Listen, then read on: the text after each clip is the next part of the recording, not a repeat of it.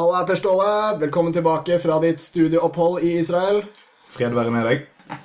Her er en deilig kopp te som jeg har laget til deg som velkomstgave, min venn. Er det fleinsopp i teen? Det er en nydelig kopp te som eh, fortsatt ryker. Du må drikke den nå mens den er varm. Men det er jo fleinsopp i den. Jeg vet ikke hvorfor det er så viktig om det er det, da. Viktig og viktig. Fordi- Det- Det er enten oppkokt vann med smak, eller så er det universets mysterie. Men te er jo altså, det er jo en gave fra en venn. Altså, det er godt med te, da. Men det er fleinsopp. Det er ikke fleinsopp i faktisk. Skal jeg faen ikke ha det? Ja, men Drikk den jævla teen, da. Ja, men faen, Te? Hvem faen er det som drikker te? Ser jeg ut som en sånn britisk Jeg trodde du ikke ville ha flein Hvem te. faen skal ha te, da? Drikk!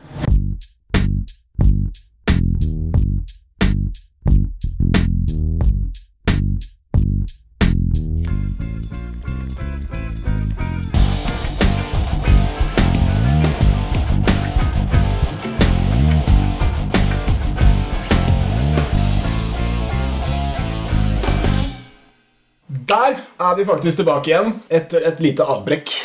Er det et comeback? Ja, Dæven, jeg håper noen husker oss. Jeg heter Buffert Fusk. jeg heter Per Ståle Shyamalan Honning. Shalabalabom. Podcast om rus lever ennå, mine damer og herrer. Jeg håper dere har glemt oss, så vi kan overraske med et nytt og deilig førsteinntrykk. Ja, og jeg må bare legge til at det var jo bare tant og fjas i introen. Jeg har jo vært hjelpearbeider i Ukraina det siste halvåret. Det er derfor jeg har vært så få episoder Og jeg siden januar. kan ikke oppskriften på fleinsopp-te i det hele tatt. Det er, er bare noe vi har hørt på gaten. Fins det i det hele tatt? Kan det lages? Det Nei, altså- vet bare gaten. Jeg vet at Norsk Narkotikapolitiforening er veldig imot. Ja, de er imot uh, teen uh, eller fleinen. Begge deler, tror jeg. Altså, Norsk Narkotikapolitiforening slår meg som en gjeng med karer som uh, ikke drikker femite. Det skal være kaffe uten fløte. Litt Svart kaffe americano. Okay. Ja, vet du hva? Jeg ser på at de er skeptiske mot eh, te generelt. Ja. Sånn mm. avtrekk med varmt vann. Hvem veit hva de har i teposene sine? Du er vel en sånn homo som går hjem og spiser troika-sjokolade? Nei, New Energy skal det være. Guttesjokkis. Yes, vi skal følge den gode gamle strukturen, selv om det har vært så utrolig mye som har skjedd i mellomtiden. Verden går videre. Så skal vi fortsatt ha aktuellspalten vår. Aktuelt. Og da er det jo bare å velge og vrake av hendelser i denne rike, rause rusjungelen som de kaller eh, ja, Oslo, for eksempel. Eller Ja. Norge. Ja, vi, vi ender jo opp med å bli ganske sånn egosentriske, siden vi stort sett henter stories fra Oslo og omegn. Men eh, bare, resten av landet må bare skjerpe seg litt på, på, på rusbusts og sånt. Det har ikke vært noe siden skutlesaken omtrent i eh, Bergen. Og, Ja, det sant. og så er det bare stort sett sånn MDMA, eh, frykt og noia i Tromsø og sånt. MDM har kommet til en ny bygd igjen. Ja. Det går sagt. nei, hjelp! Hjelp! Rusen kommer og tar jomfrudommen til barna våre. Så det, Vi er opptatt av mangfold i Bare apropos. Bergen, nå har de nettopp tatt ut tiltale mot Trude Drevland. Det ga meg en, en rusfølelse, i hvert fall. Ja, ser man det. Det er veldig aktuelt. Fins rus i Bergen. Ja. Aktuelle ja, det det fins rus for meg som eksilvestlending å høre at bergenske politikere blir tatt for noe. Ja, Bergen. Dette er sånn Hordaland-greie. Man blir liksom rusa når det skjer ting i Bergen. Ja, eller i hvert fall bare sånn Vestlandets hovedstad. Når makta får svi. Mm. Det det er lite maktsentrum i Bergen. har jeg skjønt. Veldig, veldig bra. Og vi skal snakke mer om arrestasjoner. Vi skal snakke mer om fleinsopp. Vi skal snakke om de mest spennende tingene som fins å snakke om. Som alle egentlig burde snakket om langt mer. Ja, for I aktuellspalten vår så er jo faktisk eh, aktuell for eh, temaet vårt òg for dagen, siden det er om fleinsopp eller psilocybin, om du vil. Det stemmer. Og Det det er er faktisk ak veldig aktuelt i aktuellspalten. Ja, vi kunne kalle temaet for russopper eller noe sånt. Ja. Men det er nå disse trippesoppene som vi alle vet om. Men denne særdeles velsmurte episoden her eh, har eh, sammenhenger i alle ledd. Vi skal begynne med, med det aktuelle, og som sagt, vi kunne jo tatt mye her, men det vi skal snakke om, er en viss arrestasjon som foregikk i Oslo i uh, mai. Ja, som, som noen prøver å vinkle som en slags sånn jødepogrom, Ja. men som viser seg å bare være sånn taktløs og smakløs og Ja. idiotisk, bare. Apropos lite maktsentrum, si. Det er, altså, det, er en, for de som ikke vet det, så var det en arrestasjon under uh, hasjmarsjen, som fortsatt fins, i Oslo, hvor uh, en, det, da ble en pågripelse av uh, en forsker som heter Terry Krebs. Hun har vært med sin mann Pål Ørjan Johansen veldig aktiv i start, stiftelsen av Emma Sofia, Som vi har snakket om en del ganger før her, i Aktuelt-spalten og tidligere. Men eh, som vi er både venner av og kritiske til. Som vi er til alle våre venner, Ja. og uh, på mange måter er veldig støttende til. Så bare en kjapp oppsummering for lyttere som ikke vet noe om Emma Sofia. De er for å uh, legalisering av, av psykedelika, og, og da spesielt med bruk, bruk i eh, forskning og eh, terapi.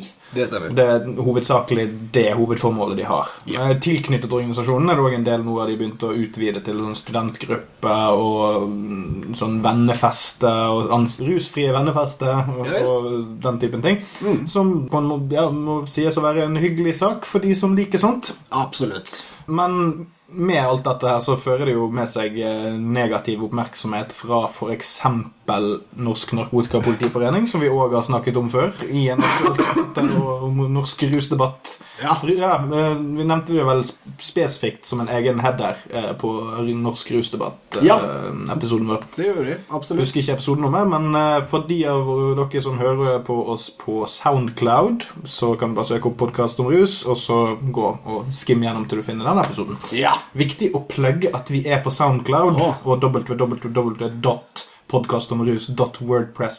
oi. Det, det har jeg nemlig hørt fra medierådgivere at du må si veldig tidlig i podkasten din, sånn at folk finner fram. Du er den. Du verden. Men tilbake igjen til Emma Sofie. Ja, Emma Sofie har jo uh, tatt til orde for uh, psykedelika i terapeutisk bruk, sånn som du sa.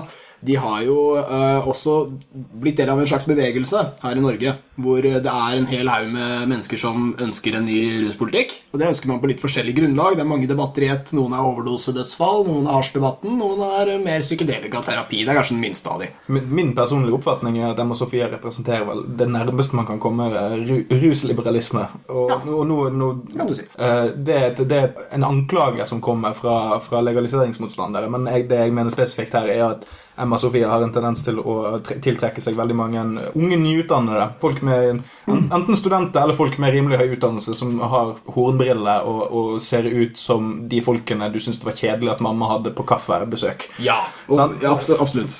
Det er litt Så- stereotype. Ja, ja, men den typen liberalisme. Ikke, ikke liberalisme som i anarki eller Nei. sånn. Veldig bra, bra ting å påpeke. Og her kan man også kanskje si at selv om man, man snakker mye om rus, kan man jo tenke at det er kvantitet det handler om. Ruse seg hele tida. Mm. Men disse folka er ofte streitende med karrierer og sånn, og da får man jo ofte inntrykk av at det er kanskje mer kvalitet det handler om. Ja. Hva slags rus og ofte Kunnskapsbasert ruspolitikk. er Yes, er evidensbasert, please. Og særlig mye fokus på at alkohol ikke er eh, så bra som mange tror, og at samfunnet kanskje har behov for mer enn det. Word up til alt sammen. Når det er sagt, da, så skjedde denne hendelsen her på Arsmarsjen. Og det er en veldig kompleks hendelse, så derfor skal vi prøve å ta noen av detaljene eh, og, og vise at vi, vi, vi er nyanserte her. Step by step. Ja, er, day by day. vi er kjent for ikke å ha altfor stor forståelse for politiets praksis. Likevel skal vi prøve. Uh, det som skjedde her, det var at uh, Hasjmarsjen er jo et organisasjon, altså marihuana-marsjen, cannabismarsjen, ha- har skjedd i mange år, og politiet har en lang og brokete historie med det. De har prøvd å motarbeide den mange ganger. I år 2000 så gikk de til arrestasjon av én tilfeldig demonstrant, noe som førte til slaget i Slottsparken, der flere politibiler ble knust. Og politiet måtte si unnskyld etterpå. Det syntes de var kjempegøy. Det husker jeg på nyhetene. Eh, Men da eh, har altså etter det så har politiet tilbudt eskorte, altså sørge for ytringsfriheten, som de ofte sier, til denne demonstrasjonen. Men de er også kjent for å arrestere alle idet flokken løses opp, og altså gjøre litt sånne ting, da. Så det som skjedde var at de har snakket, Politiet hadde snakket med arrangøren i forkant og gjort klart noen regler. En, en av de det var det at hvis barn er med på cannabismarsjen, så skal de være følge med foreldrene. Og hvis foreldrene er rusa, så skal politiet gripe inn. Det som skjedde, det var at politiet da gikk til eh, den ganske profilerte forskeren eh, Terje Krebs og, og mistenkte henne for å være beruset da hun gikk sammen med sin, eh, sin jeg tror det var datter, i hvert fall barn, veldig ung barn. Eh, og det er, altså, det er noe vi kanskje kan utvise en viss grad av forståelse for. Politiet I Norge er det forbudt å ruse seg på alt sammen, egentlig. Så, så dette med barn det er jo noe man setter høyt, og sånn, så mistanken kan alltids berettiges, trolig. Han har jo en vurdering han tar. han- Ut ifra at polititjenestemenn eller politifolk har ja, ting de skal forholde seg til. Så Politiet kommer bort og prater til folk, det må de liksom få lov til, da. Uh, men det som skjer etterpå, det er at politiet da pågriper uh, Terje Krebs. De uh, ransaker hennes hjem, og de pågriper hennes ektemann. eh, som er Pål Ørjan Hansen. Og alt dette skjer jo da fordi hun skal ha vært beruset. Eh, Det er mistanke om rus, som man da gjerne sier. Eh, og, det, er, det litt i overkant reaksjon både å ransake hjemmet på et sånt grunnlag og, og sånn. Det er jo også litt sånn politisk, det skal vi tilbake til. Men så tar de altså en, en rustest, og det kan man gjøre nå med spytt. Og det viser at, at Terry Krebs ikke var beruset på ulovlige rusmidler. Så hele begrunnelsen for arrestasjonen har da falt vekk. Det de fant av narkotiske rusmidler hjemme hos forskerparet, det var hele 0,8 gram fleinsopp. Som kan trolig oppsummeres som sånn én tripp, eller noe sånt. Og uh, Faktisk ikke så mye at man kan sannsynliggjøre at begge foreldrene i det forholdet kunne vært ruset samtidig. Ja, nei, i så fall svært lite. Liksom. Uh, og dette blir da til at de må i lange avhør hele kvelden, og så blir barna deres uh, satt midlertidig da i barnevernets eh, Varetekt. omsorg. Ja, nettopp. De ville vel sagt omsorg, men varetekt, ja. I denne, i denne, dette så er det varetekt. Ja, det er jo ikke så mye alternativ, så da tar man jo tekten i vare. Men det er snakk om noen timer, fire timer. Eh, Politiet har sikkert gjort alt de kan for å prøve å være greie, men de har jo ikke vært så veldig greie likevel, da. Eh, Det som er det problematiske her, det er at lederen for narkotika, Norsk Narkopolitiforening er trolig han som har foretatt arrestasjonene. Eh, Han har også skrevet kronikker hvor han er veldig skeptisk til narkotika. Hva var uh, navnet? Var det Bresil? Ja, i så fall er det Jan Erik Bresil. Jeg er litt usikker på om han er leder av NPF, men han er i hvert fall uh, profilert medlem. Ja. Eh, Kåre Stølen omtalte eh, han som at han hadde en, en, en spesiell kun, Han hadde en spesiell kunnskap om Ja. narkotika. ja, den eh, Og det, det liker, Jeg liker det ordvalget, for et spesiell kunnskap om narkotika er jo noe jeg finner at veldig mange folk har. Ja, Veldig spesiell kunnskap. Som ikke nødvendigvis er sånn faktabasert eller De kunnskapsbasert. Stod sånn, nei, jeg, ja, du, du kan bli høy på bananskall. Ja, det er en veldig spesiell kunnskap om narkotika. unik kunnskap, faktisk. Ikke unik, men spesiell er den i hvert fall. Sånn, ikke, ikke spesielt som i sånn fantastisk, men spesielt som i måtte bli, måtte bli hentet. Sånn, hadde egen spesialundervisning. Ja. Vekke fra de andre på skolen. Sånn, ja, det er sånn som kortbuss. Mm, Eh, ja, shortbuss. Spesielle, Spesielle, eh, mennesker. Mm. Eh, absolutt. Jeg, jeg, jeg likte det ordvalget der veldig godt. Uh, det viser altså at han, uh, politimannen, har også vært den som utførte disse lange avhørene på de arresterte ekteparet, og det er da det begynner å bli voldsomt politisk uh, ugreit. Ja, ja for det, det som slår meg med, med hele hendelsesforløpet, er at i beste fall så har politiet en veldig svak eh, forståelse av hvordan det fremstår. Altså, de, de, Jeg tror ikke de ser symbolverdien i, i, i hva de driver med. Men, og i verste fall er det aktiv politisk han, en aktiv politisk handling fra de involverte på politiet sin side. Så det er uansett kritikkverdig. At, at det er den samme personen som anholder og tar, eh, tar forhøret og eh, har, har et verv i Norsk Narkotikapolitiforening. Jeg syns oppriktig talt ikke at du burde ha noen fra leders, lederskapet i den foreningen til stede på uh, ruspositive arrangementer, faktisk. Det ble litt sånn å sette stortingsgruppen Frp til å være, til å være dørvakter på et pro-homo-muslim innvandrer-gay-party. Det var sånn, Ja, jeg jeg ser ikke for meg at det skal føre noe positivt med seg. Nei, og det, dette er et veldig godt poeng. Altså, fordi akkurat som Kåre Stølen fikk beskjed om av Gjengedal da han ba de narkomane stelle seg foran Stortinget, det var at politiet kan ikke iverksette politiske aksjoner. Og jeg skjønner jo det at politiet har meninger om politikk. Det er i orden. Men hvis du da har en politimann som er ekstremt, la oss si, kritisk til innvandring, da, ville du satt han som main etterforsker på asyldemonstrasjonen? Det er, det er, det er interessekonflikter som, Ja. som åpenbart er ufine. og Men, men til forskjell på det eksempelet der, så er, Ja. det, jo, er det jo en mer allment akseptert problem Ja å være rasist i politiet enn det er å være antiknark. Ja, og Dessverre. narkotika er ikke så likt, så, så absolutt. Men vi har eh, NMPF er jo en litt sånn omstridt organisasjon i seg selv. Fordi det er en politiorganisasjon som kjemper for noe politiet som etat generelt tjener på. Og det er, det er det som er det vanskelige her. at Politiet er jo, Norsk politi er en av de mest ivrige i, i den politiske debatten mot legalisering. Og når de da i tillegg eh, har positivt utbytte av eh, så og så mange arrestasjoner, og sånne ting som er påpekt, så det er da det her begynner å bli litt ille. Det er da det, Politiet kan ikke gjøre noe feil så lenge de tar alle som ruser seg. Ja, og det, sånn, jeg nevnte det vel sist vi snakket om eh, NNPF eh, i denne podkasten òg, at eh, ikke sett bikkje til å uttale seg om kattepolitikk. ja. Det, det er ikke, Hunder har et naturlig instinkt på å ta katter, Ja, så ikke hør på hunden når du skal gjøre deg opp en mening om katter. absolutt. Og verdt å, verdt å nevne at det finnes en rekke med andre kandidater Ja. som kunne vært brukt. Ja, apekatter. For eksempel. Ikke sant? Hele etaten er full av mangfold. Ja, jeg, så, jeg så en dokumentar om eh, gorillaen Coco, som kunne tegnspråk. Hun hadde jo en katt. Se her. En, et kjæledyr. Du ville sagt noe helt annet Ja. om katt. Om katt. Ja. Og de som tygger den slags. Det er bare så mange layers i vitsene våre.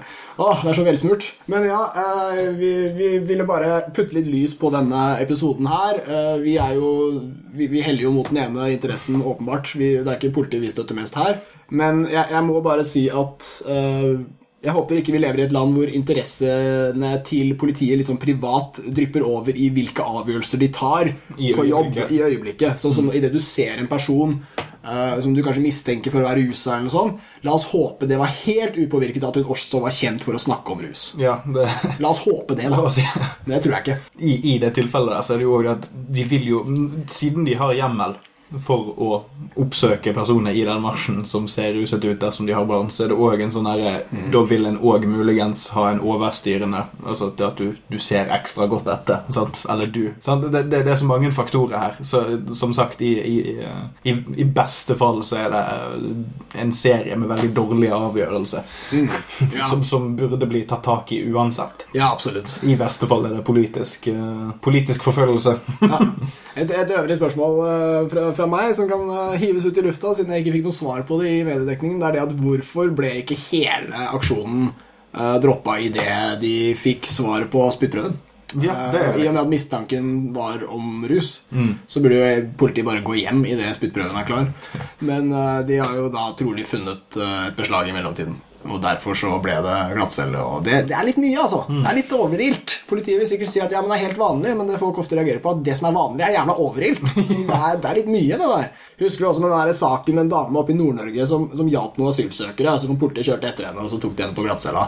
Og så ble hun strippa. Altså Hun måtte vise sånn, hun måtte vise fram rumpeballene og alt mulig til politiet på cella. Og så var det masse politifolk som sa ja, men det er jo helt normalt. Bare sånn, men Det spiller faen ingen rolle om det er normalt. Det folk reagerer på, er selve hendelsen, hva som skjer. Hva slags serie med avgjørelse er det dere har tatt for å komme til konklusjonen at folk som gjør X-crime, burde strippes naken? Og det er helt normalt. Det er det folk reagerer på. Ja, Kjære og fjær hengt etter trikken, det er helt normalt. Det er bare sånn vi gjør det i Oslo. Altså, Siden denne personen hadde hjulpet innvandrere Det artige er jo at det er jo en hel haug med folk som hadde reagert veldig dersom det kom innvandrere til Norge fra en kultur der det var veldig vanlig å strippe Når fremmede kom inn i huset ditt, så skulle de strippe seg naken for å vise alle valkene sine for at de ikke tok med noe inn i huset. Det er jo da forferdelig, men politiet, vår, våre beskyttere Nei, da, da er det sånn Nei, nei, alle må. Så, fordi, at, fordi at en eller annen knarker hang seg på cellen for 200 år siden. Derfor. Smugla en gjenstand i rumpa og svelga, og så ble han kvalt på glattcella. Altså, ja, nei, det er voldsomt hva vi skal finne oss i. Ja. Det er helt normalt.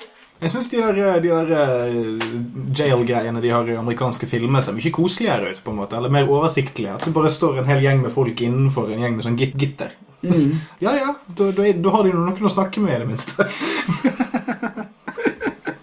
Nei, jeg støtter det. Sosialt fengsel. Yes, please. Ja, Men vi skal videre til uh, sosiale ting. Av sosiale ting kanskje desto mer. Det er kanskje ikke så lett å bruke disse tinga i, i flokk, men vi får spørre raverne. Vi skal snakke om sopp. I like to do drugs. I like to have drugs. I like to hold a cigarette full of grass in my hand until one morning.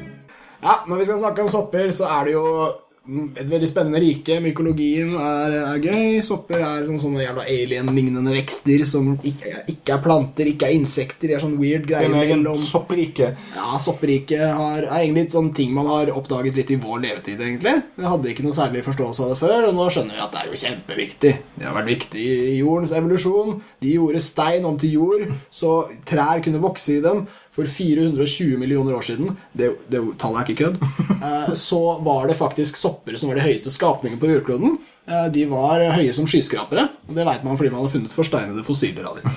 Så det er ikke så verst, dette soppriket, skjønner du. Men de er jo stort sett bare en gjeng med jævla raringer som bor under bakken, der det fins sånne nettverkstråder av eh, mugg, eller mysileum, som av og til slenger opp en liten penislignende vekst for å spre territoriet sitt. Og det er sopp. Ja, er- Mikrobakterier som lager sånne små byer og internett. Er Og, Patriarkalsk ja. subklasse. ja. Og de lager byer og internett og alt mulig de, under bakken, og så av og til så putter de opp en veldig penislignende dings, og det er også re forplantningsorganet til muggen, så det er veldig penis. Eh, det må jeg bare si. Ja, Vi beveger oss allerede inn på et veldig snedig eh, territorium. Vi, vi skal vekk fra det falliske. Nå har vi jo sagt hva sopp er, men de, har jo, de er kjempeinteressante fordi de har mikrobakterier. Så de bor på et veldig lavt eh, la oss kalle det lavt nivå. Du må zoome masse inn for å finne dem. Og der er det litt andre regler som gjelder. Og de har mikroevolusjon og sånne ting. Så sopp er ofte veldig mangfoldige. Med mikroevolusjon mener du at, at det er en veldig kjapp overgang fra mellom generasjonene? At de tilpasser seg eh, omgivelser med seleksjonen fort? Ja, du... eh, ofte foregår revolusjon på et mye høyere stadie, altså Ja. langt over cellenivå, altså med liksom større prosesser i kroppen. Mens her er det liksom under cellenivå. Det er bitte små mikrobakterier som, som konkurrerer på med helt egne regler.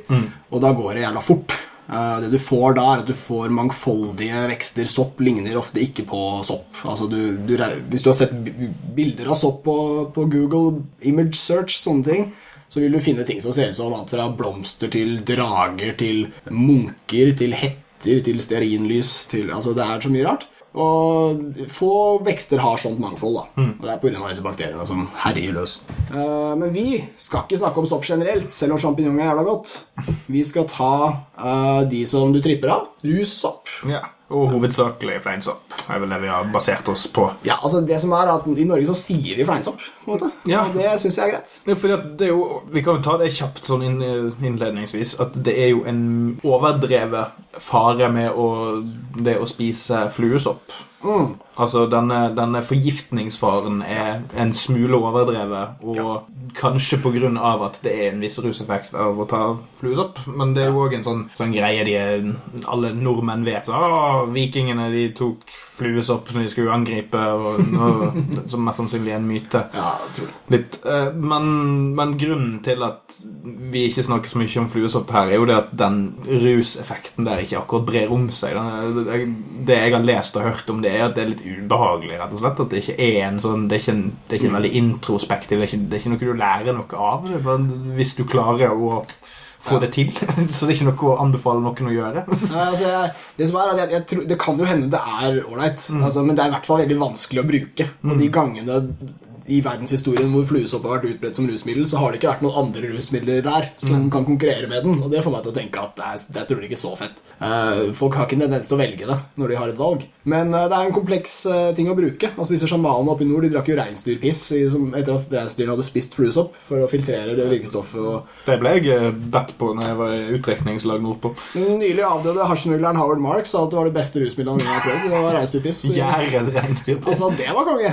Det var nice. Men, men uansett, da, så, så skal, det må tørkes på en spesiell måte. Det er, masse som gjør det veldig vanskelig. Eh, men den er heller ikke forbudt i noen eh, lovverk i hele verden. Og det er også veldig stilig. Ikke i Norge heller. Nei, den er ikke på narkolista. Og derfor er fluesopp lovlig du kan si som rusmiddel, men det er trolig både fordi det er upopulært, og fordi det, det har vært brukt av urfolk. Og når disse lovene ble lagd, så var urfolk allerede ganske godt trøkka ned. Så man har prøvd å unngå det.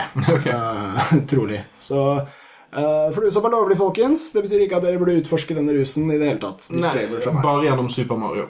Nei, ja, absolutt. Jævlig kule spill, anbefales. Eh, men samtidig vil jeg si at vi ble lært som barn at eh, fluesopp er dødelig, og det var nok en overdrivelse. Fordi den er veldig lett å gjenkjenne. Altså, den, Du ser den. ja, du ser den, og hvis du er barn, så er det, liksom- den skriker mot deg da, med disse klare fargene sine. Og, og det fins langt giftigere sopper, altså sopper som dreper deg innen få timer. for å si det sånn, Nervegift, cellegift. Eh, de fins ikke i fluesopp. Det betyr likevel ikke at du skal ete de. eh, men, men det er ingen i Norge som dør av fluesopp. da. Det er det jo ikke. Og godt er det. Det er litt sånn som hoggormbitt Ja. for barn.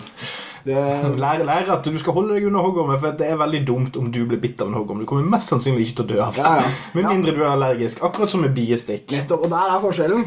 Eh, vi trenger ikke å si til dem at de kommer til å daue. For det er ikke sant. Eh, og det går bra å ikke si det. Jeg har hatt noen angstfylte episoder som eh, barn på grunn av denne overdrevne faren med, med hoggorm. Men ellers er sammenligningen veldig god. Eh, hvis det skulle skje, så tror jeg du får en jævla dårlig dag.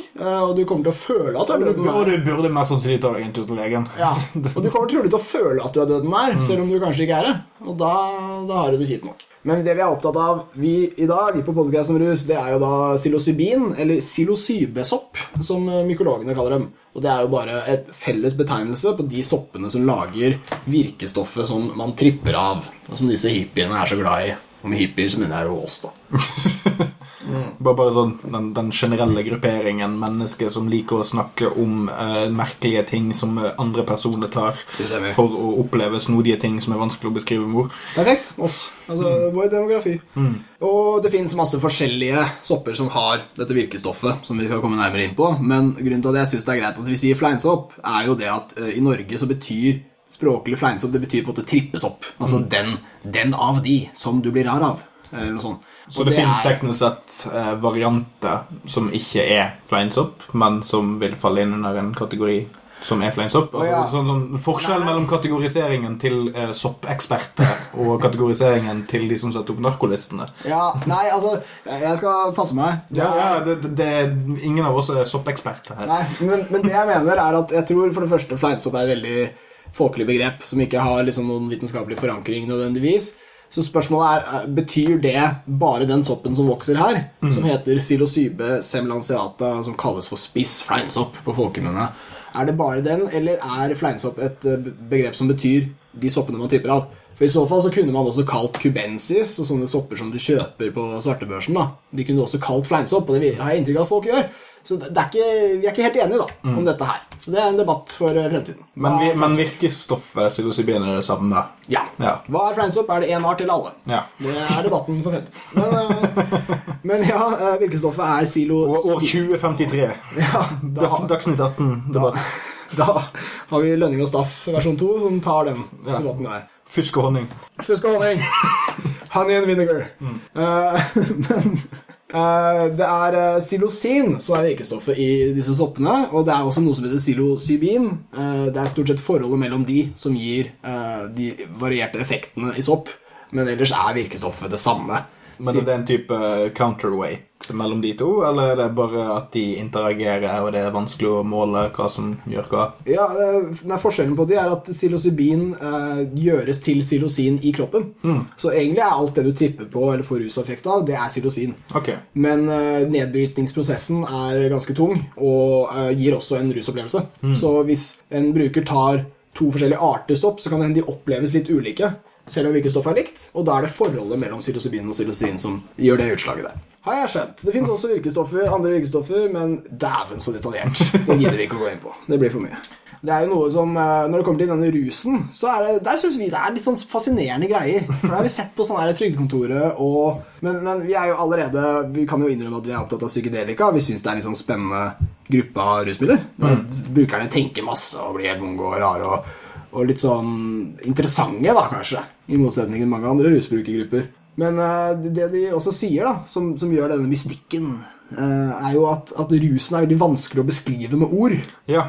Det er eh, Det, det syns jeg er stilig. Ja, for jeg, jeg har en kompis for eksempel, som har uh, tatt fleinsopp en del ganger. og Han, han, han sa det ganske sånn konkret. for En ting er at det er vanskelig å beskrive, men det er det at opplevelsen underveis er såpass intens og obvious eller selvforklarende. oh, ja. At, at, at denne, denne bablingen som, som kan virke veldig random og rar for for en, for en, sånn. for en edru person som står og snakker med dem, Ja. eh, er et, et sett med innseelse vedkommende har om seg sjøl, Mm. som han eller hun eh, gjennomgår og, og, og liksom, Det er en sånn stream of consciousness som aldri har Ja. vært før eller siden, og den er veldig, veldig naturlig og forståelig for den som sier det. Mm. Men for en utenforstående så virker det bare som komplett randomness. Selv om det ikke er det.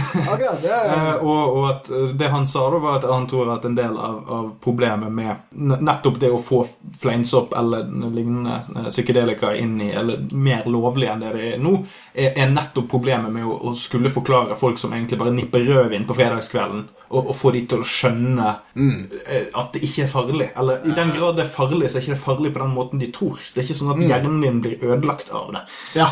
ja. Bare fordi du har prøvd det en gang. Nei, nei. Sant? Du blir, du, det skjer rare ting med hjernen din. Du sier og gjør mye rart, men det er ikke destruktivt. Men det kan høres destruktivt ut Mm. og rart ut når det beskrives med uh, edru ord. Ja, ja, akkurat. Nei, men det, det er fint sagt. Fra innsiden ser det trolig veldig annerledes ut enn fra utsiden. Og så bruker man jo språk til å eh, forstå det. ikke sant? Altså, man, mens man babler, så tenker man òg, kan du si. Og det Det spiller om consciousness. hva var det Ingvar Ambjonsen sa om det? Yes, ja, for han var inne på det her med språk. Han sa på denne Trygdekontorepisoden da, så sa han at han har jobba med språk i over 40 år, og han klarer ikke helt å beskrive hva en tripp er. Og særlig liksom, når vi begynte med LSD ute i Skien på 70-tallet. og sånn, Selv fra den gangen til nå så har han ikke klart å beskrive det med språk. Og han sier at det er noe som ligger mellom ordene, eller bak ordene, denne opplevelsen her. Og Det syns jeg er herlig poetisk, men også litt sånn irriterende at det er det beste vi har. Fordi det blir fort veldig religiøst. Ja, det blir Det, det gjør jo det. Altså, enten så er de ramblende, bablende i, i, underveis, eller så er det mer sånn 'Jeg fant meg sjæl, og jeg skjønner naturen', og, og liksom Og det er jo ikke noe gærent med det. Nøkkelen til universets gåte. Men det er ikke noe gærent med det, men for en teoretiker så hadde det vært jævlig deilig om du ikke måtte praktisere for å skjønne.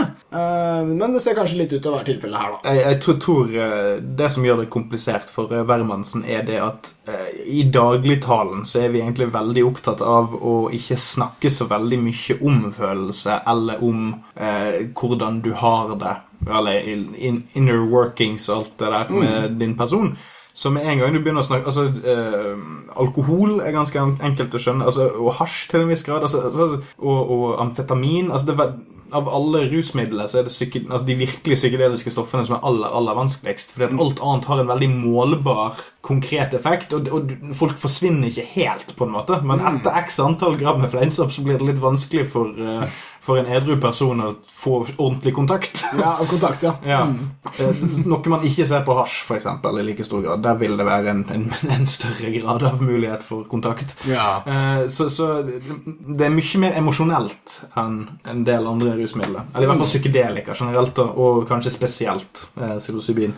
Ja, Sånn som jeg har forstått det. Ja, ja, og det, dette er jo ting som også brukes i terapi. Vi skal til mer tilbake til det etterpå, men det det ser ut som, det er at uansett hvordan det går, da, om, om opplevelsen blir bra eller dårlig, for det er jo også en annen ting som er interessant med disse rusmidlene, du blir ikke garantert en god rusopplevelse. Da kan vi jo begynne å diskutere om det er rusmidler i det hele tatt. Eh, For de pleier jo å garantere eh, sånn noenlunde. Nei, folk som er med Sofia vil jo ikke nødvendigvis like å kalle det rusmiddel heller. Nei, fordi altså, rusmiddel er jo synonymt med liksom, nytelsesmiddel. Ikke sant? Altså, det, er, det er en orgasme hver gang, men det, sånn er det ikke her. Nei, og det, det norske språket er jo ganske god der, for at rus er ikke nødvendigvis nytelse. Nei, For, det sånn, er, sånn, for, det er positivt ladd, men, men sant, det. Ja, for vi har eh, Altså, som, som gamle pietister så, så har vi noe negativ eh, tilknytning eh, nytelse.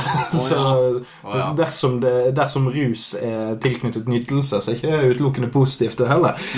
Vi, sånn som vi forstår språk, da, men vi må nesten få inn en språkforsker for å gå nærmere inn på det. Ja, ja, og rusmidler er i så fall veldig problematisk i denne forstand. Ledelsesmidler, du tar den så blir du glad.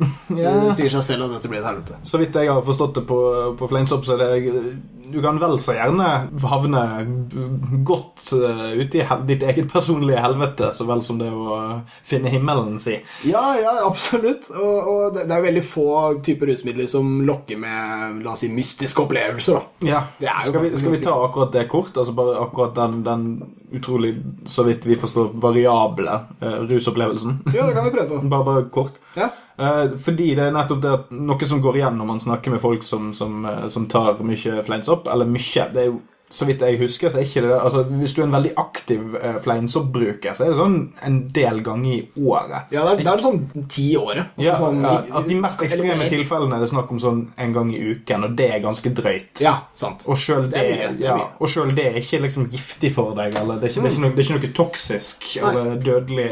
Ja. Svært lite toksisk. Nei. Det er bare det at det, det er en veldig stor mental utfordring. Så det, det, det å gjøre det så mye tegn på at enten så har du, er du litt, litt for løs i toppen, eller litt for forknytt. Ja, ja, altså, det, er sånn, du, det er noe du ikke er helt fornøyd med. Det er jo en, en ting som behovet kanskje bør melde seg for ofte. Ja. Eh, for det er såpass rar opplevelse, Ja, eh, visstnok. Poenget eh, jeg skulle frem til, var i hvert fall det at uh, i den grad man gjør det, så gjør man det ikke så ofte. Og det er mer snakk om, så vidt jeg forstår, eh, en, en du er ikke garantert at du blir glad av det. Det er, ikke, det, det er ingen i, i motsetning til f.eks. Eh, kokain eller MDMA og en del andre stoffer som, som vil gi deg en, en kunstig eufori. Ja. Så ikke noe med effekten av psilocybin som vil gi deg en automatisk lykkefølelse. Nei. Det er bare det at den omkalfatrer hjernen din på en sånn måte at du kan oppleve en eufori, Mm. men det avhenger av eh, hva du tenker, og hva du hvordan du opplever øyeblikket, og uh, lever gjennom de sju-åtte timene det varer. Men det kan òg, dersom vedkommende har mye angst eller har masse ting som er uprosessert, så kan det bli ganske stygt, for da kan du fort bli konfrontert med ting du ikke har gått Ting du har fortrengt eller, eller satt til side i hjernen din og, og levd godt med. Og jeg har hørt kompiser som har fortalt om det at de klarte ikke å stoppe eh, angsten fra en, en ting de ikke har tenkt de, de har aktivt satt vekk ifra. Men det er ikke nødvendigvis det samme som å si at det å ha en dårlig tripp er negativt. For det er jo flere som kommer ut etterpå og sier ja, men jeg, jeg, jeg, måtte, jeg måtte liksom ta stilling til denne tingen jeg har gjort. Du går gjennom ilden, og så kommer du ut renset. Ja, Ja. Sånn, altså at man sitter igjen etterpå sånn åh, det var jævlig slitsomt, men det var Det, det høres ut som eh, beskrivelsen er veldig sånn her Og det, det er jævlig vondt å pumpe hjernen, men nei, fytti faen, så godt det er. Sant? Ja, ja. Den, eh, Akkurat noen vonde ting er, er bra fordi ja, det var det man trengte. Ja. Og ja. det, det er jo vanskelig å ha oversikt over hva man trenger. Eh, jeg har uh, hørt veldig mange forskjellige historier om dette her. og Ofte så snakker folk om, om fleinsopp som om det høres eh, Det høres bare kjipt ut. Altså det høres Pass deg for ditt, pass deg for at Det kan bli det verste du har vært med på, som ditt verste mareritt, men ikke verre. Uh, og, og sånne ting Men jeg tror den personlige liksom, opplevelsen, det positive, den er veldig sånn subjektiv. Og det kjipe som kan skje, det er veldig lett å forstå for alle. Det er litt sånn som rusmidler generelt. Den positive effekten er vanskelig å se. Den negative den begynner vi å se når det går for langt. det, det er fordi at negative ting alltid kan kategoriseres. Ja. Altså, du, du, sånn, Føler du deg Har du det vondere nå enn før du begynte? Ja. Å ja. Nei, da, må vi si at det er negativt. Sant? Altså, var det, Det er det. er det. Det rett å kategorisere. ja, eh, men, men det betyr ikke at det er en overstadig vekt på den siden av skalaen. Ja. Det betyr ikke at det er summen av Altså at, at negativ opplevelse er summen av, av, av opplevelsen. Nei. Fordi å ha en negativ opplevelse er ikke alltid en dum ting. Nei, faktisk. Det, det er jo det samme som altså, Er du et rasshøl mot folk, så er det jo en positiv ting at noen sier 'nå er du et rasshøl'. Det det. Din kuksuger. Det er det vennene dine sier. Ja. For å hjelpe deg. Så, sant? så gjør det vondt å få høre det. Så går du kanskje og tenker litt på det. Sånn, ja, ja, kanskje jeg er et rasshøl. Så, mm, Kanskje jeg skal ta noen andre valg i livet. Absolutt. Det, det er litt det inntrykket jeg har eh, av måten dette skal fungere på. da. Absolutt. Og kanskje vi også bor i en del av verden hvor vi gjør dette litt grann lite. Hvor selvkritikken ikke alltid er så stor. Kanskje litt sånn asiatiske trakter og sånn, så er de mye flinkere på å påstå at monsteret er inni deg, og du burde skjerpe deg hele tida og sånn. Mens vi er mer sånn 'jeg er best'. Altså Jeg skal jo bare bange alle og vinne alle konkurransene og tjene mest penger og sånn. Er konsekvensen av et lutheransk uh, Ja, og verdenssamfunn. Nå river vi oss løs fra det òg, så nå klikker det helt. Men det er, uh, jeg har skjønt det her at uh, selv om soppbrukere har uh, ymse opplevelser Noen av dem har liksom den beste opplevelsen de har hatt i sitt liv, andre har den verste. Men jeg har fått med meg at de noenlunde rapporterer én ting likt, og det er at de har fått et nytt perspektiv. Og perspektiv er jo fint. Vi tror vi kan si at det er positivt. Det å se ting fra forskjellige sider, det kan jo, kan jo bli litt mye perspektiv. Det kan jo bli litt sånn at du blir helt forvirra, ser verden fra 360 grader hele tida. Det kan kanskje bli litt svimmel av det. Men greia er at vi blir alle stuck i boblene våre, da. Og hvis det å røske seg løs fra den, det kan ha verdi i seg selv. Selv om det er digg, selv om det er vondt. Så, så, så kan det å se ting fra den andre, en annen side enn den man vanligvis ser, det kan utelukkende være bra. Ja, og- Så spørs det om det er verdt seks timers lidelse. Det får brukeren selv eh, vurdere. Ja, og altså, det kan vel kanskje sammenlignes altså, løst sammenlignes med, med disse folkene som drar på backpackertur i et år Ja. i India eller i fattige land. Altså, altså, disse folkene som, som bryter ut av monotoni for å leve. Ja. Før altså sånn, de er 25 og ferdig med utdannelsen, og så drar de på backpacking. Sant? Altså, det er noe med å bryte boblen. Eh, det er bare mye mer fysisk og konkret. Det er veldig lett å spore hva de har gjort. Å ja, du spiste dårlig curry i Bombay, liksom. Ja, ok. men, men dette er på en måte den mentale versjonen av det. Den, Istedenfor å flytte deg fysisk, så flytter du deg eh, mentalt. Jeg vil ikke si spirituelt. Nei, eh, ikke nødvendigvis. Eh, Men det vil jo selvfølgelig fortone seg eh, spirituelt for en religiøst anlagt person. ja, ja, ikke sant? Noen er bare litt mer lagd for det. Ja, for Da begynner vi å bevege oss litt over i hvordan selve vi kan, Kanskje vi kan ta det nå istedenfor senere. At altså, mm. Hvordan selve effekten fungerer i hjernen eh, på psilocybin. Altså hva som faktisk skjer. Ja, absolutt. Det kan vi, det kan vi gjerne ta. Altså, jeg tenker Vi, vi tar det litt sånn Segway-messig, fordi vi var på dette med språk. og da er det sånn hvis du skal bruke noen ord da, for å beskrive effekten av, av sopp, så er det, blir det ofte de samme ordene som brukes på rus generelt, sånn som eufori. Det er sånn, at tante sier ingenting. Det er, det er glede, hipp hurra. Eh, men hallusinasjon Som igjen er noe folk kanskje forstår som at Mickey Mouse kommer og hilser på deg, eller noe sånt, men egentlig er det mer synsforstyrrelser. Uh, og så har du Altså fordreininger. ja, type eh, se på en tekstur, og så bølger den, og sånne ting. Sterke farger. Sterke farger. Forsterkede farger. Uh, persepsjonsendring er et annet ord som dukker opp, og det er jo det. Altså, det handler jo rett og slett per- Persepsjonen er jo hele oppfatningen din, eh, og, at den endrer seg, det kan jo være litt underlig. Eh, det samme er liksom begrepet sanseforandring går på det samme. Sansene er jo våre vinduer til verden. Det er liksom det eneste vi har for å forstå det som er utafor kroppen. Ja, ting smaker annerledes og lukter annerledes. Og, Ja, at, eh, ja, og, og at tid, altså tidsforstyrrelse er en sånn klassiker at folk aner virkelig ikke hva klokka er. Og, og sånne ting. Det, og, og, dette er bare noen, noen nøkkelord da, som kan beskrive en, en sånn helhetlig Hva er en klokke, egentlig? Ja, ja og, og dette er eh, Der har du Tid er bare et menneskelig konstruert konsept. Der har du den filosofiske edgen uh, som, som kommer inn for disse brukerne. Det er, eh, hva er det grunn til å tvile på? Uh, det meste. Eh, har noen stjålet noe fra meg mens jeg var på tripp? Vel, hvem, hvem eier egentlig noen ting? Uh, hva mener du You med å can't stjele? like own property, man. Ja, det spørs hva du mener med å stjele. Uh, altså, du, du blir fort en slags klisjé fra utsiden. En, en filosofisk bablende hippie. Det som skjer på innsiden, forblir litt vanskelig å formulere. Men eh, vi har, og dette er flott, vi har i vår tid nyere forskning som forklarer noe av det. Og da vi var yngre, så fantes ikke denne. Dette er 2010 pluss type forskning. Ja, dette, dette er jo den spede starten på den seriøse forskningen òg. Det har vel vært veldig mye på, på hold siden 70-tallet omtrent. Ja, det stemmer. Dette er altså eh, det, det, overlapper jo veldig med uh, hippietiden og denne bevegelsen i USA under Vietnamkrigen og Harvard og Timothy Leary. Vi har snakket noe om det før, men vi tenkte også ta en ny episode om LSD om ikke så lenge. Og da blir det mer av det. Men vi kan allerede si at um, Det er òg litt overlapp uh, mellom denne episoden vår nå og religionsrus-episoden vår. Eh, men den episoden eh, syntes vi er, den, er lenge siden. Sjekk den ut om du gidder. Er med en venn av oss som heter Andy, som er med der. Eh, men den er mer generelt filosofisk rundt konseptet rusrelatert til religion. Så det er mange poeng her vi sikkert har nevnt i en eller annen grad før, men nå er vi mer spesifikt inne på psykedelika i denne episoden og de par neste vi kommer til å lage. Så det, det, nå, nå tar vi for oss temaet mer eh, grundig. Ja. Og det er, eh, derfor tar vi bare en sånn überkjapp historisk gjennomgang. Altså bare siden jeg nevnte LSD som kontrast. Det ble jo lagd under andre verdenskrig. eh, Syntetisert i 1942 eller 3. Og dette her ble ikke syntetisert før 1957, så det er jo 10-15 år etterpå. Men det som er verdt å nevne, er at uh, det, han som syntetiserte det, eller i hvert fall en av de første, trolig ikke først, det var Albert Hoffmann. Den samme som, som lagde LSD i sin tid, og ga ut boka LSD, My Problem Child. Uh, og det er altså eh, brukt som psykoterapi på 60-tallet, og det firmaet som solgte det da, det var jo flere, men, men annet Sandos, uh, som er firmaet Hoffmann jobba for da han syntetiserte LSD på 40-tallet. Så viktig firma, få med det. Men når det er sagt, da, så er det jo 70-tallet som kommer, og da er det politiske, la oss kalle dem utfordringer, Uh, som stort sett forbyr LSD, og som drar også sopp med i dragsuget. Da var det ikke lenger så viktig med urfolks eh, følelser og den slags, for det er jo massevis av meksikanske urfolk som har brukt de samme soppene i ritualer.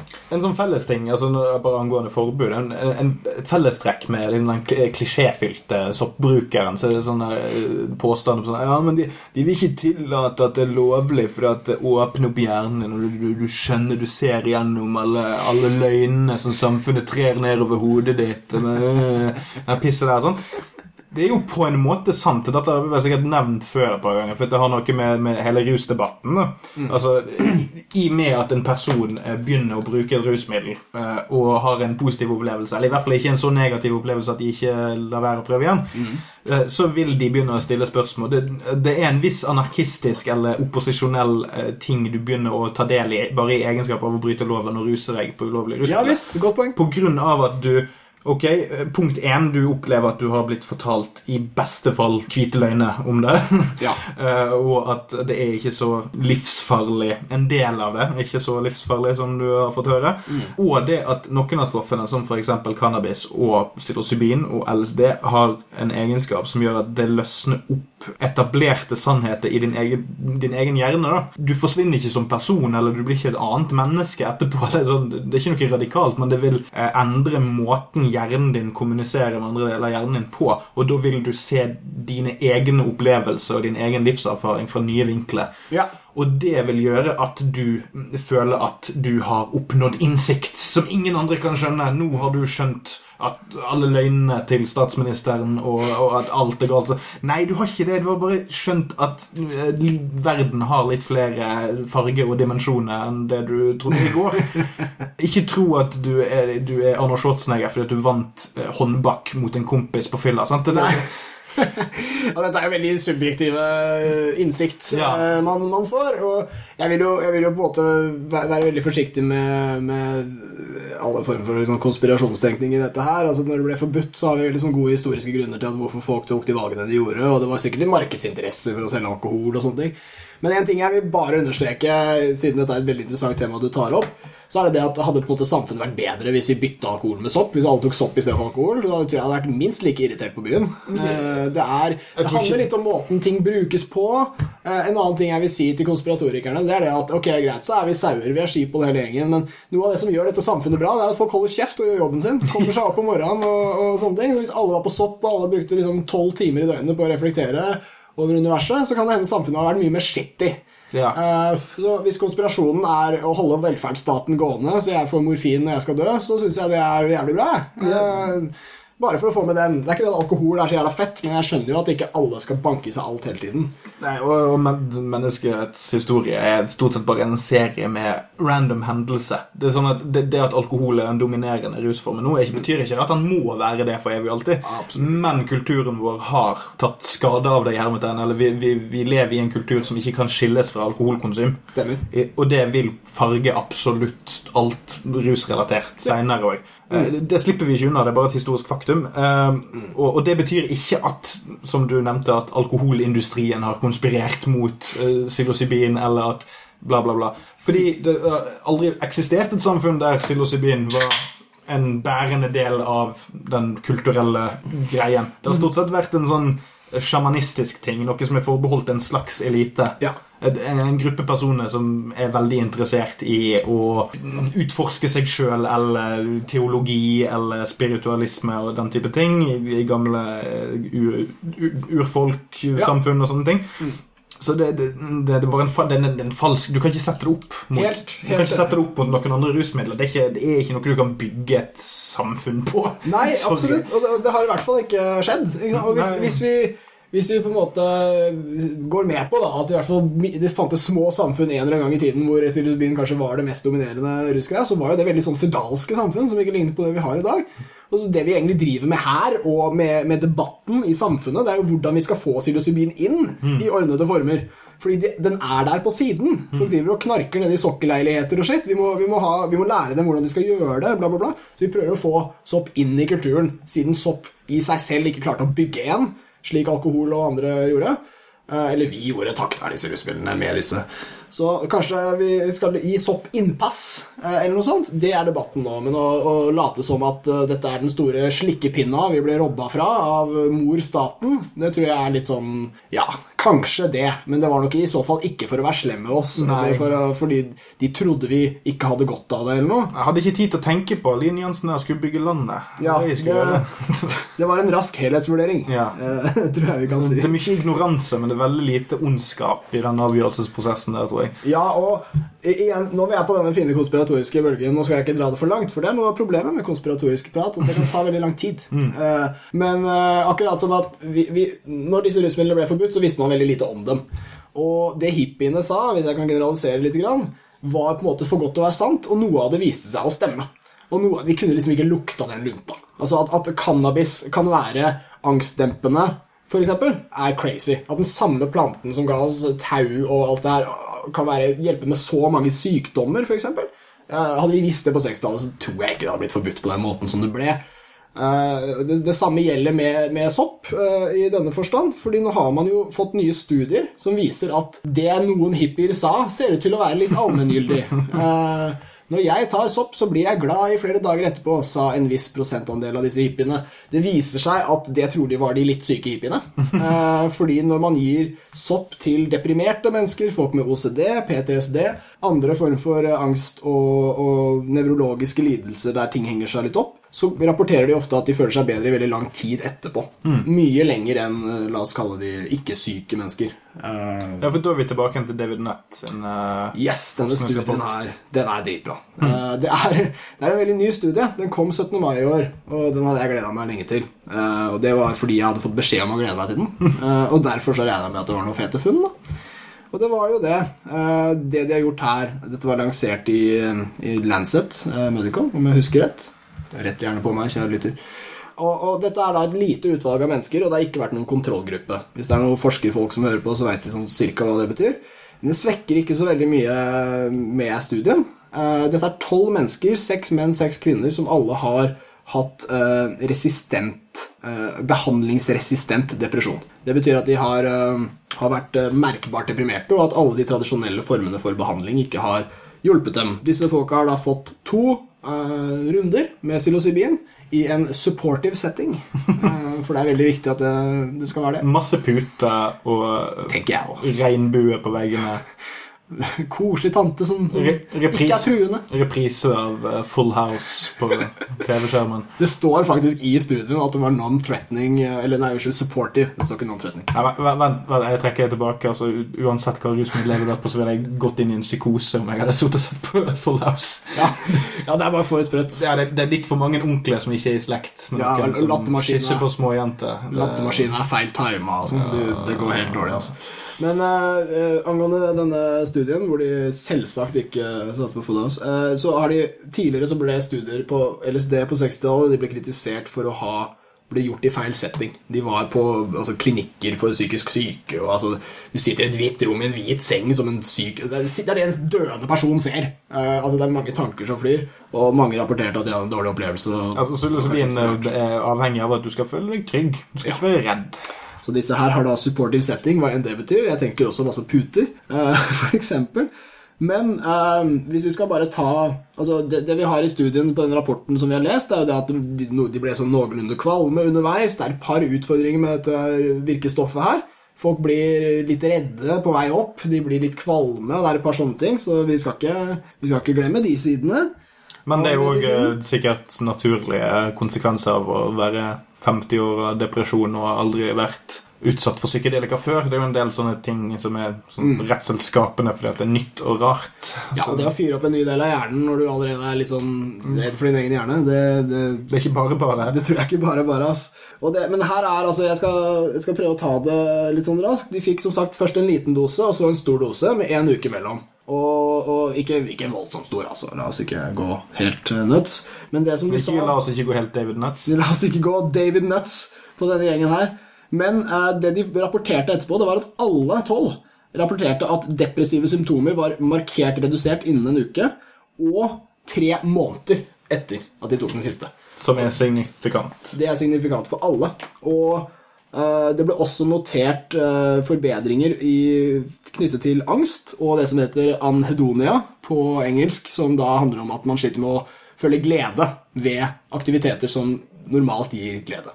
Sånn sex, mat Vil jeg, vil jeg se for meg. Absolutt. Sånne gå på fornøyelsespark og kjenne ingenting. Altså, det høres jo ufattelig trist ut. Det er den verste sykdomsbetegnelsen. Det er sånn, det er, det sånn revolver-syndrom. Ja, herregud, som jeg har medfølelse. Bare, sånn, bare å forstå fenomenet. Ja, men, og, og så, så må jo forbeholdene komme litt kjapt inn her. Da, at Ja. det, det er et veldig lite forskningsfelt på dette Ja. akkurat nå. Og vi, det tar lang tid før vi dukker opp metastudier som kan trekke ut snittet av funnene. Ja, og nettopp, vi har ikke kontrollgruppe her heller, så dette er uhyre viktig. Og, og det er veldig viktig å få med konteksten i denne studien, fordi vi har, det, har vært eh, prøvd mange ganger å lage sånne forsøk som dette, og dette er første gang de har fått lov. Så dette er et prøveprosjekt med lite utvalg. Det er en veldig spennende gruppe. Altså, De er veldig veldig sjuke. Vanskelig å finne tak i, få tak i dem. Um, Altså personer som er klin umulig å fikse på noen som helst annen måte. De er bare deppa uansett, liksom. Og ja, det er de. Uh, Men det de har gjort her, er at de har, de har lagd en studie for å vise at fremtidige studier bør skje. Det er rett og slett dette. Det er bitte lite utvalg, bitte liten prøvetillatelse for å få lov å i det hele tatt gi disse tolv menneskene et uh, egentlig ulovlig rusmiddel. Så, så det legger veien videre for noe som er veldig spennende, nemlig at soppopplevelsen, hva enn det fucking er som skjer i disse huene, når de får uh, psilocybin i seg, det er noe som funker bedre på sjuke folk enn på vanlige folk. Vanlige folk liker det òg. Ikke sjuke, da. Uh, la oss ikke late som noen er normale her. Jeg får meg Alle er sjuke, ingen er friske. Men eh, vanlige folk rapporterer at 'nei, jeg følte meg kanskje bra i sånn to-tre dager etterpå'. Og så har vi da eh, deprimerte som sier at tre måneder etterpå så er de fortsatt mindre deppa. Eh, og, og her er det masse interessante ting som har kommet frem via Beckley Foundation og MAPS og andre som forsker på, på psykedelika de siste årene, særlig britiske institutter. Og det de viser der, er f.eks. det første bildet av en hjerne på LSD, og også en hjerne på psilocybin, og det viser at hjernen er da connecta på veldig mange rare måter. Mm. litt sånn som babyhjerner. Eh, hvor Babyhjerner er helt sånn kaos hvis du skanner dem. De tenker i alle deler av hjernen, de gjør ikke sånn som voksne gjør. Nei, det er jo fordi at en baby er jo en maskin som skal programmeres. Et voksent menneske er en ferdig programmert maskin. Ja, vi er jo på mange måter litt døllere, da, men så er vi ganske rå. Klarer å betale skatt og gjøre det vi skal. Og... Ja, Slippe å gå med bleie. Ja, se her. ikke sant? Altså, jeg har null problem med å bare føle meg bedre enn en baby. altså. Ja, ja, jeg, jeg rekker dass hver gang. Ja, ja. Altså, Jeg har lært så mye, liksom. Uh, men det som er uh, stilig med dette her, er at vi kan tydeligvis reversere enkelte eh, negative prosesser med, med denne prosessen. Eh, det er det som ser ut til å skje med, med de pasientene som tar det. Det at effektene varer såpass lenge etterpå, er uhyre interessant. Og noen av disse eh, Dette er basert på sånne foredrag jeg har sett med forskere fra Beckley Foundation og sånn, men han ene fyren hadde en jævlig fin metafor, og han sa at i hodet så har du nevroner som flyr inni hjernebarken. Og, eller under hjernebarken blir det jo. Og de, eh, de har sånne synapser, tror jeg er det rette ordet. Nå får nevrologene skrive inn lange, kjedelige mails og rette på meg. Kjære podkast om rus. Jeg er snakker om meg selv, nevrolog. Uh, uansett, det, det fins sånne veiskiller i hjernen uh, som håndterer hvor nevroner skal fly.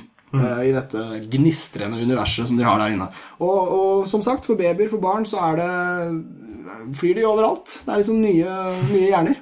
Eh, Men nå, trolig, hvis vi skal liksom forenkle det her veldig mye, som er lettest, så kan vi si at det er erfaringene våre som former oss. Det er de som på en måte setter disse veiskillene for neuroner. Skal de fly høyre, venstre, opp, ned, hvem vet. Så etter hvert så blir vi oss. Vi blir voksne, skattebetalere, gode i senga, gode til å rekke dass, alt det der. Eh, Men så sier denne fyren at du kan forstå det på to måter. Enten som et slags trafikkryss, der det står en politimann og dirigerer eh, bilene, eller nevronene, tankene. Eller så er det et orkester. En slags orkestergrad der det står en dirigent og jobber ræva av seg for at disse tonene skal treffe riktig. Eh, men idet du får eh, psilocybin inn i kroppen, så er det et eller annet rart som skjer med disse synapsene, sånn at de tar på en måte fri. De, de driver med noe annet. I utgangspunktet trodde man dette var kaos, altså helt uorden, men det ser ut til å være en form for orden. Vi har bare ikke helt skjønt det ennå. Eh, så hvis vi da tar trafikkmetaforen, så blir jo dette da en sånn crazy ass eh, bil... Radiobil. Ja, ja, radiobiler som på en måte Ikke, ikke at de krasjer, det blir ikke kaos sånn. Altså, det er ikke skader som skjer, det er mer sånn veldig rar trafikk. Ja, men jeg, jeg liker tanken om, om dirigenter. La oss, si at, Ja. la oss si at dirigenten er full. Ja, dirigenten er full. Ja, da har du jo et, La oss si at du har et hundremannsorkester, et symfoniorkester. Så er det jo sånn at ok, ingen vet hva takt de skal spille i, og alle, alle opererer individuelt. Ja. Så vil det, jo det vil jo være et kaos der. Ja. Men alle, alle de individuelle musikantene vil jo kunne sin eh, C-dur-skala eller D-dur-skala og ha teknikk.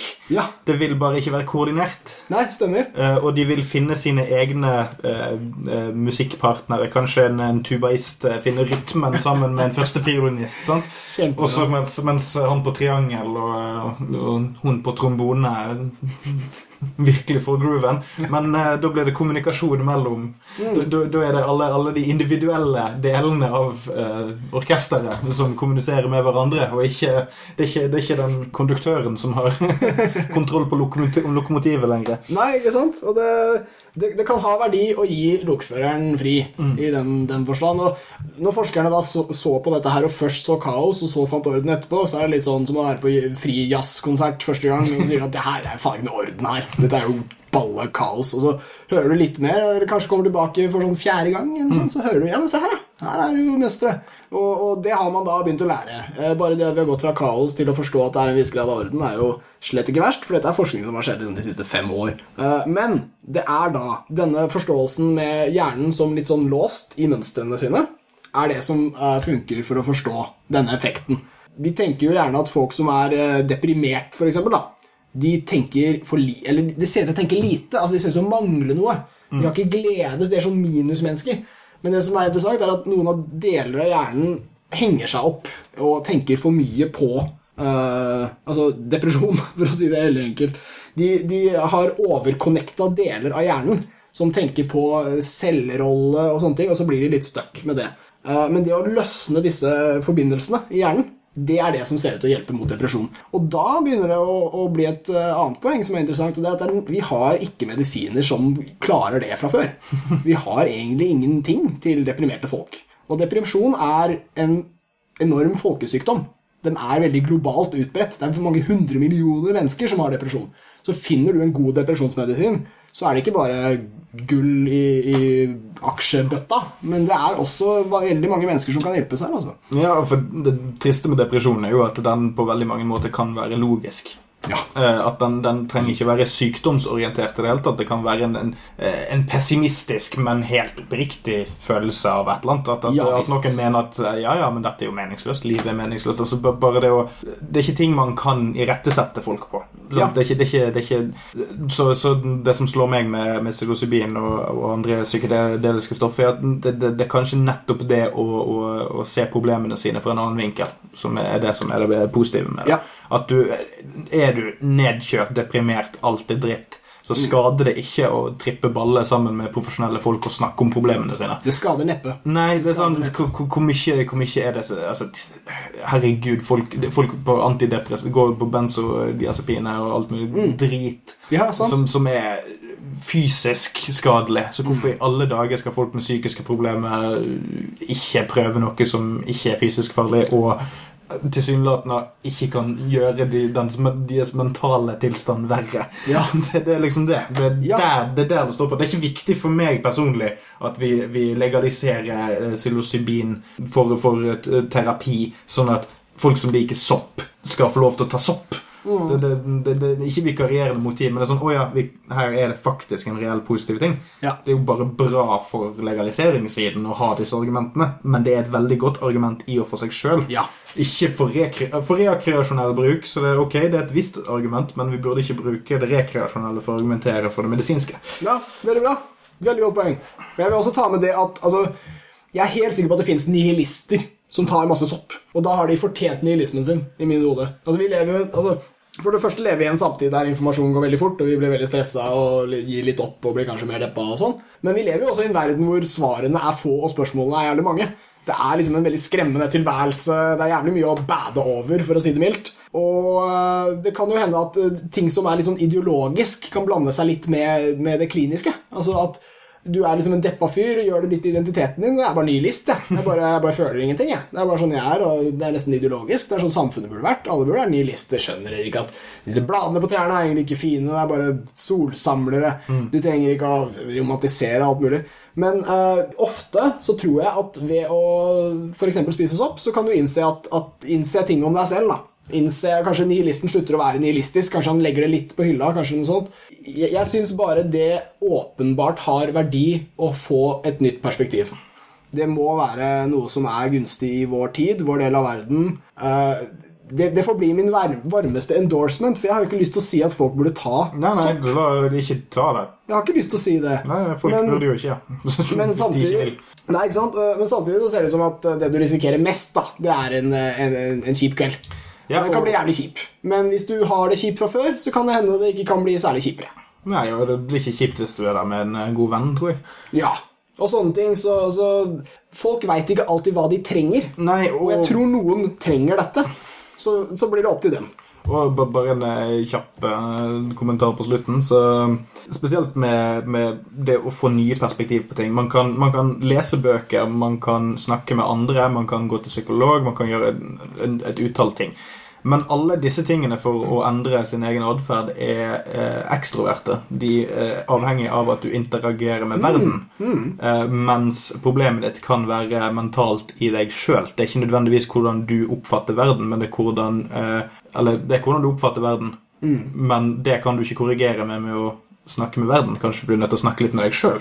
Og det Ja. virker det som om at eh, psilocybin har en evne til å gjøre. Ja. Sånn som jeg har fått det forklart. Ja, og, og, og da får det være vårt understrekende poeng at det er sjelden vi snubler over sånne ting. Det er få medisiner som ligner på dette. Det er få rusmidler som ligner på dette. Den unikheten gjør det ekstremt forpult sært, men det kan hende det kan hjelpe så innmari mange mennesker. Så ta, med, ta det med deg, kjære lytter. Du har faen ikke fått noen råd her om hva du burde gjøre, ass. Men pass på deg sjæl, og, og tenk over disse tingene. Kanskje vi skal korrigere dette med en liten avrusning. Avrusning! Store perspektivet. Vi snakket mye lenge, vi har hatt en lang pause. Det blir mye eh, mas.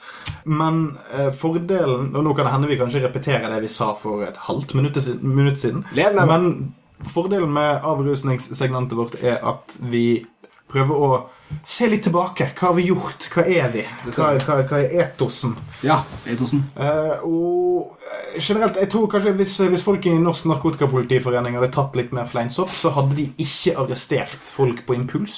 På, Kanskje det. kanskje, kanskje. Mer forståelse hadde vært der. Ja, kanskje. Eller kanskje de hadde fått noia over hvor mange de har arrestert for å gjøre disse tingene. Kanskje de alle hadde slutta i politiet, og så hadde samfunnet blitt utrygt. Ja, så hadde de meldt seg inn i Rusken eller noe sånt. Ja, det hadde blitt jævla rent, da. Med mye vold. Uh, vi har uh, skimma gjennom at sopp er både interessant, men trippesopp er det vi syns er interessant. Vi har prøvd å beskrive det med ord og mislykkes fullstendig. uh, ikke noe gærent med det. Ambjørnsen feiler, han òg. Ikke prøv det, for eksempel. Å beskri beskrive det. Men, Eller eller, ja. Ja, whatever. Ikke prøv noen ting. Uh, vi har uh, skimma gjennom dette med depresjon og hva det gjør nevrologisk. Det er jo ingen av oss som er nevrologer eller psykologer. Så skriv Nevrotikere er vi. da. Nevrotikere er vi faktisk, har vi master i begge to. Men uh, skriv inn til oss, nevrologer. Vær så snill å være sinte på oss. Vi er så sykt keen på debatt. Bare hat oss. Det er altfor lenge siden jeg har hatt Skriftlig form, helst. Det er altfor lenge siden jeg har hatt en beef med Nevrologiforbundet. Jeg vil lese deres lange, altfor kjedelige tekster der tar for mye tid, og skribenten tar for mye plass. Jeg, jeg vil ha dem. Og bortsett fra det så har vi forhåpentligvis ikke moralsk sett ledet uh, brukeren inn i Til eller fra. Til eller fra rushelvete. Kanskje ut på gressplenene på høsten. Det er jo deilig med en tur. Det er bare å bla, bla litt i gresset og se hva du finner. Men uh, oppfordringer fikk du ikke av oss. Men uh, informasjonen forhåpentligvis fikk du av oss. Den du burde ha fått fra myndighetene, den kom herfra. Ja, Ikke stol på myndighetene, forresten. De prøver å holde det fra oss. Mm. Ikke stol på oss heller. Ikke stol på noen. Hvis du hører dette mens du er på sopp, vi ser deg. Takk for i dag.